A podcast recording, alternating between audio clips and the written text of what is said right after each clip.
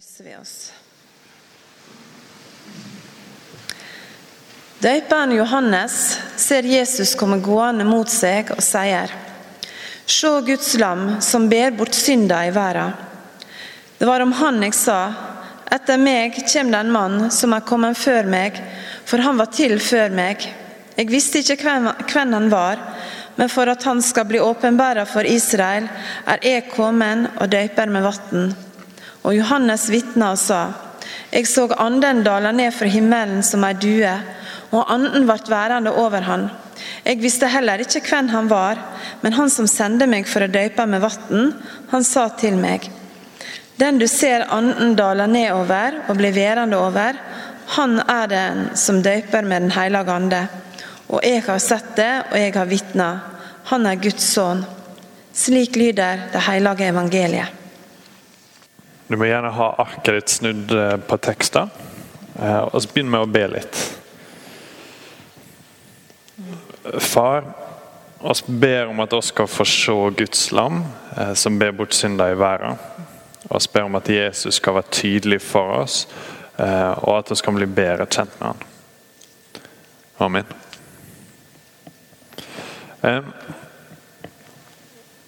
Johannes døperen ser Jesus eh, komme bort her. Han er på toppen av sin karriere. Han er superkjendis på dette tidspunktet. Alle mulige folk kommer utenfor å bli døpt. Og Så peker han på Jesus og så sier han, se Guds lam som ber bort synder i verden. Og Litt senere i teksten, jeg trykte ikke til dere på arket, men der forlet noen av Johannes sine disipler han Johannes, og begynner å følge Jesus. Så på toppen av hans karriere så slutter jeg plutselig å følge ham. For det han sjøl sier, det er ikke jeg som er det store poenget her. Ser dere han der borte? Han er Guds lam. Det, det at han sier Guds lam Det er masse gamle testamentlige ting som klinger baki det. Det er vanskelig å finne ei tekst som garantert Johannes tenkte på. For det er så mange. Så Det var derfor jeg la seg en lang tekst i dag fra Det gamle testamentet med Abraham som plutselig skal drepe sønnen sin. Så Det er kanskje en tekst som noen av dere liker ganske godt og tenker at den sier masse om tru og sånn. Og Det kan være en tekst som noen av dere syns er helt forferdelig. At Hva i alle dager er det som skjer i den teksten? Mitt forslag er at å se litt på den gamle testamentlige teksten, og så kommer vi tilbake til eh, den i Nytestamentet og ser om den har noe mer å si til oss da. Jeg kan ta den opp på skjermen hvis dere vil. Um, Gud sier til eh, Abraham Ta sønnen din, eh, dra til landet Moria, og så skal du få ofre som brennoffer. Og så står Abraham opp tidlig neste morgen. Gud sier ikke dette bare som en slags fæl spøk. eller noe sånt. Han skal faktisk jobbe på trua til Abraham og på en måte trekke fram mer trua. Og Det er masse som skjer i denne teksten som du kanskje ikke ser eh, med første øyekast. En av tingene som skjer, er at det er mange koblinger her til Det nye testamentet som blir synlig senere. Det er ikke tilfeldig hvor de skal hen. De skal til landet Moria. Eh, I Det nye testamentet så er jeg ikke så vant til å kalle det Moria, og for noen av oss i fall jeg, så tenker jeg på 'Ringenes herre' når jeg hører Moria. Men Moria er Jerusalem. Det fjellet de skal til, er Jerusalem. Det kan hende i nærheten av Golgata.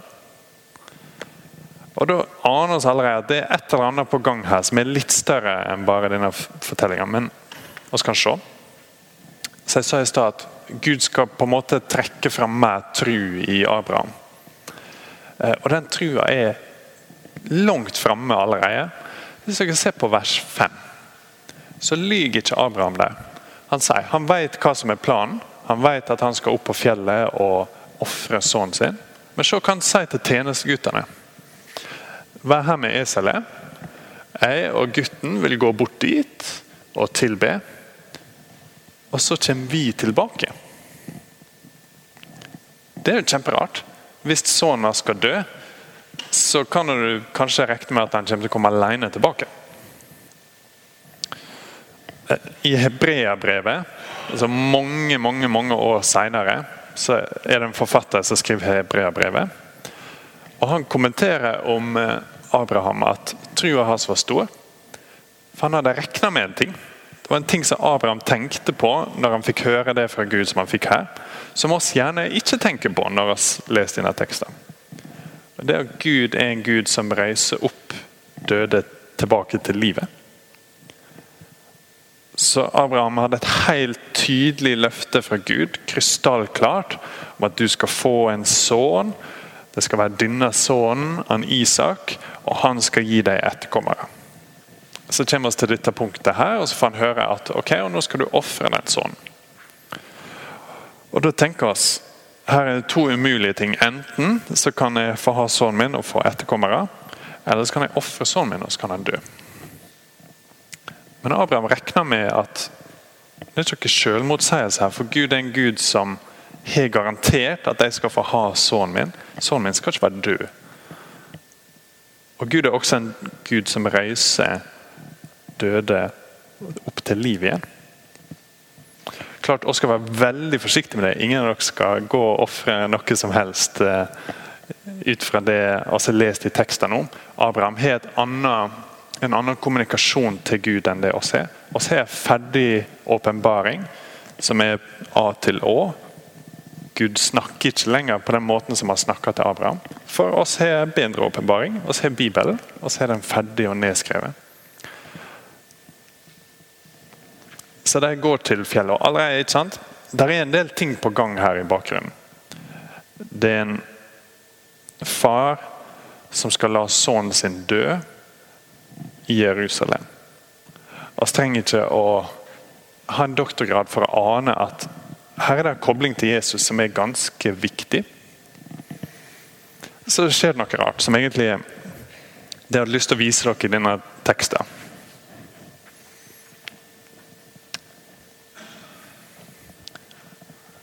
Retter ut handa der i vers 10 til kniven for å slakte sønnen sin. ikke sant? Eh, og så stopper Gud. Han sender en engel som sier 'legg ikke han på gutten' og gjør han ikke noe, for nå vet jeg at du frykter Gud, så du ikke sparte din eneste sønn. Det frykter Gud der er ikke bare at nå vet jeg at du gjør det Gud sier uansett hva, men at nå vet jeg at du har et så stort bilde av Gud at du til og med forstår at han kan gi liv tilbake til det som er døde. Det er ikke noe Abraham har sett, så vidt jeg kan komme på. Eh, men det er noe han har forstått om Gud. Og så har nå Abraham allerede sagt at Gud kommer til å se seg ut et offerlam. Det sa han i stad. Eh, og I vers 13 der, Da Abraham så opp, fikk han øye på en vær som hang fast etter horna i et kratt rett bak han. Hvis noen av dere vet like lite om sauer som meg, eh, så er en vær en hannsau. ikke sant? Så her dukker det opp en sau. Eh, så tar Abraham den og ofrer sauen i staden. Mm. Og Det blir på en måte satt på vent. og Dette er noe som skjer igjen og igjen.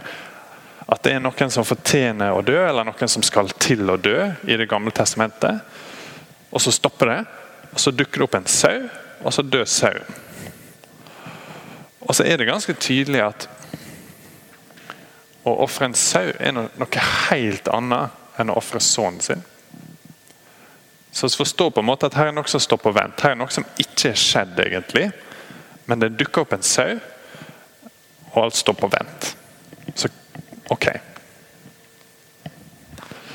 Så hopper vi tilbake til teksten vår i Det nye testamentet. Skal vi se, jeg bare trykker vekk her. Så kommer Jesus gående. Så ser Johannes på han, og så sier han Se, Guds lam som ber bort synden i verden. At En av mange tingene som ligger i bakgrunnen av det, er at Oi, se, her er den sauen som dukka opp og døde i stedet for Isak. Det er også en drøss med andre sanne type tekster. vi skal ikke se på alle av det nå. Men så ser de han. De ser Jesus, og Johannes fortsetter. Det var han jeg sa. Etter meg så kommer det en mann som er kommet før meg, for han var til før meg. Jeg visste ikke hvem han var. Sannsynligvis visste Johannes litt om Jesus, for det var i nær slekt. og sånn, Men han hadde ikke visst at han var Messias, at han var Guds lam.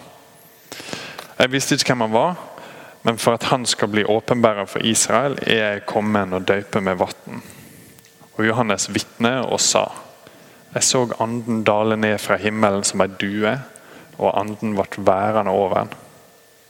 Jeg visste heller ikke hvem han var, men han som sendte meg for å døype med vann, han sa til meg Den du ser anden dale nedover, blir værende over, han er det som døyper med Den hellige ande. Og jeg har sett det, og jeg vitner. Han er Guds sønn. Det Johannes egentlig sier, er at her er det en annen sønn som skal til Jerusalem, han skal til Moria. Han skal dø på et kors, han skal stå opp igjen. Her er en Gud som er så stor at han til og med kan reise de døde tilbake til livet. Men det kommer ikke til å dukke opp noe sau og ta hans plass.